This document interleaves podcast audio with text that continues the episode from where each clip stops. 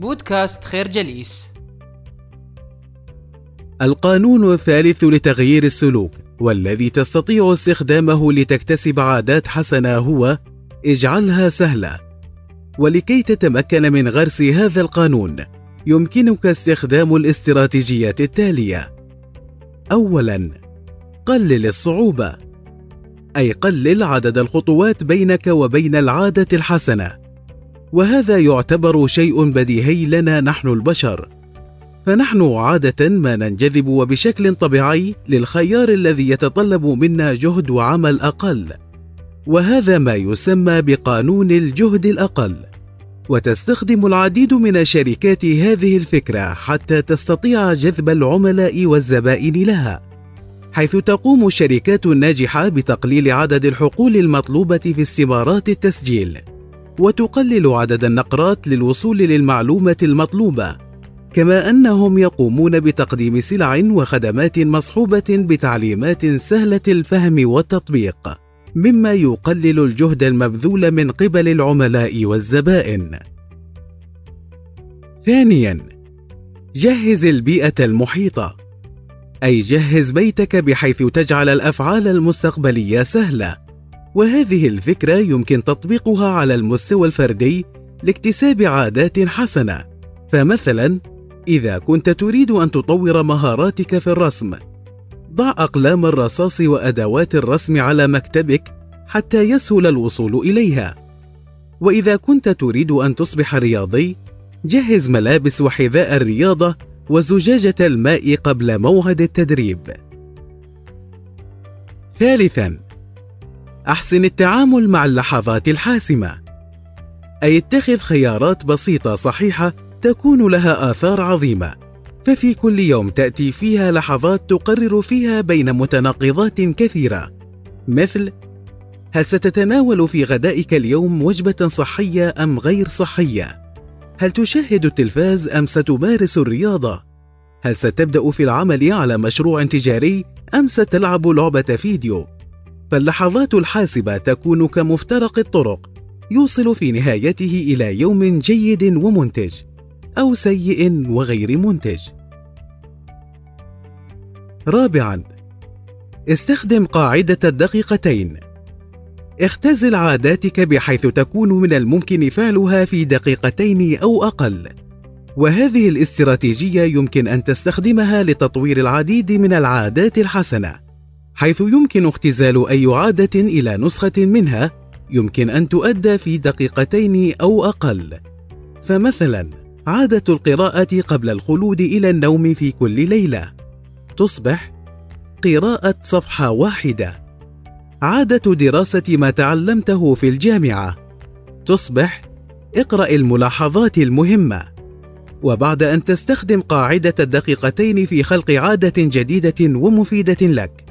تستطيع أن تطورها عن طريق تصنيف أهدافك والتدرج فيها من شديد السهولة إلى شديد الصعوبة.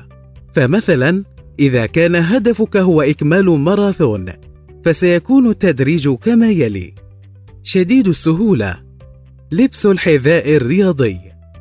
سهل. المشي عشرة دقائق. متوسط. المشي عشرة آلاف خطوة. صعب. الجري مسافة خمس كيلو مترات شديد الصعوبة. إكمال سباق الماراثون. خامسا قم بأتمتة عاداتك. استثمر في التكنولوجيا والأشياء التي تشترى لمرة واحدة كي تحسن سلوكك المستقبلي. الفكرة. القانون الثالث لتغيير السلوك والذي تستطيع استخدامه لتكتسب عادات أفضل هو اجعلها سهلة. يخبرنا الكاتب جيمس كلير أنه من المهم جدا أن يدرك الشخص الصورة المعكوسة للقانون الثالث لتغيير السلوك وهي اجعلها صعبة حيث أن إدراك هذا الشيء يساعد وبشكل كبير في التخلص من العادات السيئة ومن أهم الاستراتيجيات التي ستساعدك في تحقيق ذلك. هو استخدام أدوات الالتزام والتي تعني أن تتخذ خيار في الوقت الحاضر يتحكم في أفعالك في المستقبل وفيها يتم تقييد خياراتك المستقبلية وقصرها على الخيارات التي تفيدك كما أنها تقوم بزيادة صعوبة ممارسة العادات السيئة. فأنت تقوم بزيادة عدد الخطوات بينك وبين ممارستها. فمثلا أخبرنا الكاتب قصة فيكتور هوغو والذي كان يواجه موعد نهائي مستحيل في صيف عام 1830 فقد وعد ناشره منذ أكثر من 12 شهر بأن يكتب قصة جديدة ولكنه بدلا من العكوف على كتابتها قام بإضاعة الوقت في متابعة مشاريع أخرى واستقبال الضيوف وتأجيل العمل. لذلك قام الناشر بتحديد موعد نهائي أخير لهوغو بعد ستة أشهر ونظرا لضيق الوقت. قام هوغو بتنفيذ خطة غريبة حيث أخبر مساعده بأن يجمع ويحضر كل ملابسه ويضعها في خزانة كبيرة ويقفلها وبالتالي لن يكون لديه أي خيار للخروج من المنزل نتيجة لافتقاره للثياب. فعكف على كتابة القصة التي تمكن من إنجازها قبل الموعد المحدد بأسبوعين وظهرت لنا رواية أحدب نوتردام. يمكنك أن تطبق مبدأ الالتزام على مستواك الشخصي بطرق عديدة. فمثلا إذا كنت ممن يفرطون في تناول الطعام ينصح بأن تشتري الطعام في عبوات منفردة بدلا من الجملة. وإذا كنت من المفرطين في استخدام الإنترنت يمكنك استخدام قاطع التيار المبرمج الذي يفصل راوتر الإنترنت في كل ليلة عند الساعة العاشرة مساء كذلك قد يساعد أن تقوم بدفع تكلفة الصالة الرياضية مقدما على الذهاب إليها وممارسة الرياضة بها. الفكرة زيادة صعوبة ممارسة العادة واستخدام أدوات الالتزام تساعد وبشكل كبير في التخلص من العادات السيئة. القانون الرابع لتغيير السلوك والذي تستطيع استخدامه لتكتسب عادات حسنة هو اجعلها مشبعة. ولكي تتمكن من غرس هذا القانون، يمكنك استخدام الاستراتيجيات التالية. أولاً: استخدام التعزيز. امنح نفسك مكافأة فورية حين تكمل عادتك. فنحن البشر نولي أهمية كبيرة إلى المكافآت الفورية أكثر من المكافآت المؤجلة. وهذا ما تركز عليه العديد من الشركات لكي تستخدم منتجاتها. فمثلا قصة العلكة حيث كانت العلكة قبل عام 1891 تباع تجاريا بدون أي طعم أو منكهات ولكن بعد إطلاق علكة ريغلي تغير كل شيء حيث قامت الشركة بإضافة نكهات مثل النعناع أو الفواكه والتي أحدثت ثورة في هذا القطاع حيث أصبح الناس يشعرون بالمتعة عند استخدام هذا المنتج ذو الطعم المميز. وبالمثل قامت شركات معجون الأسنان بإضافة نكهات إلى منتجاتهم. وهذا الفعل جعل الكثير من الناس يفرشون أسنانهم بالفرشاة والمعجون وذلك لأنهم سيحصلون على مكافأة فورية. وهي النفس المنعش.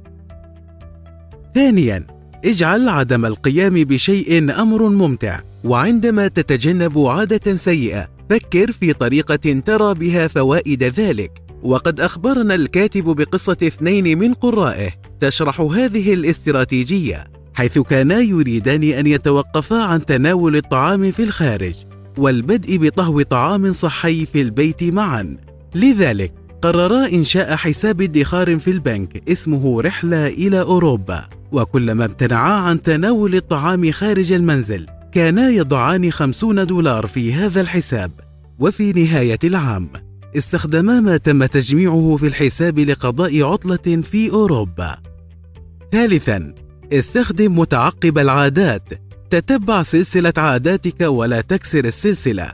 فتعقب العادات له العديد من الفوائد المهمة. فهو يخلق إشارة بصرية تساعدك على تذكر الفعل مباشرة.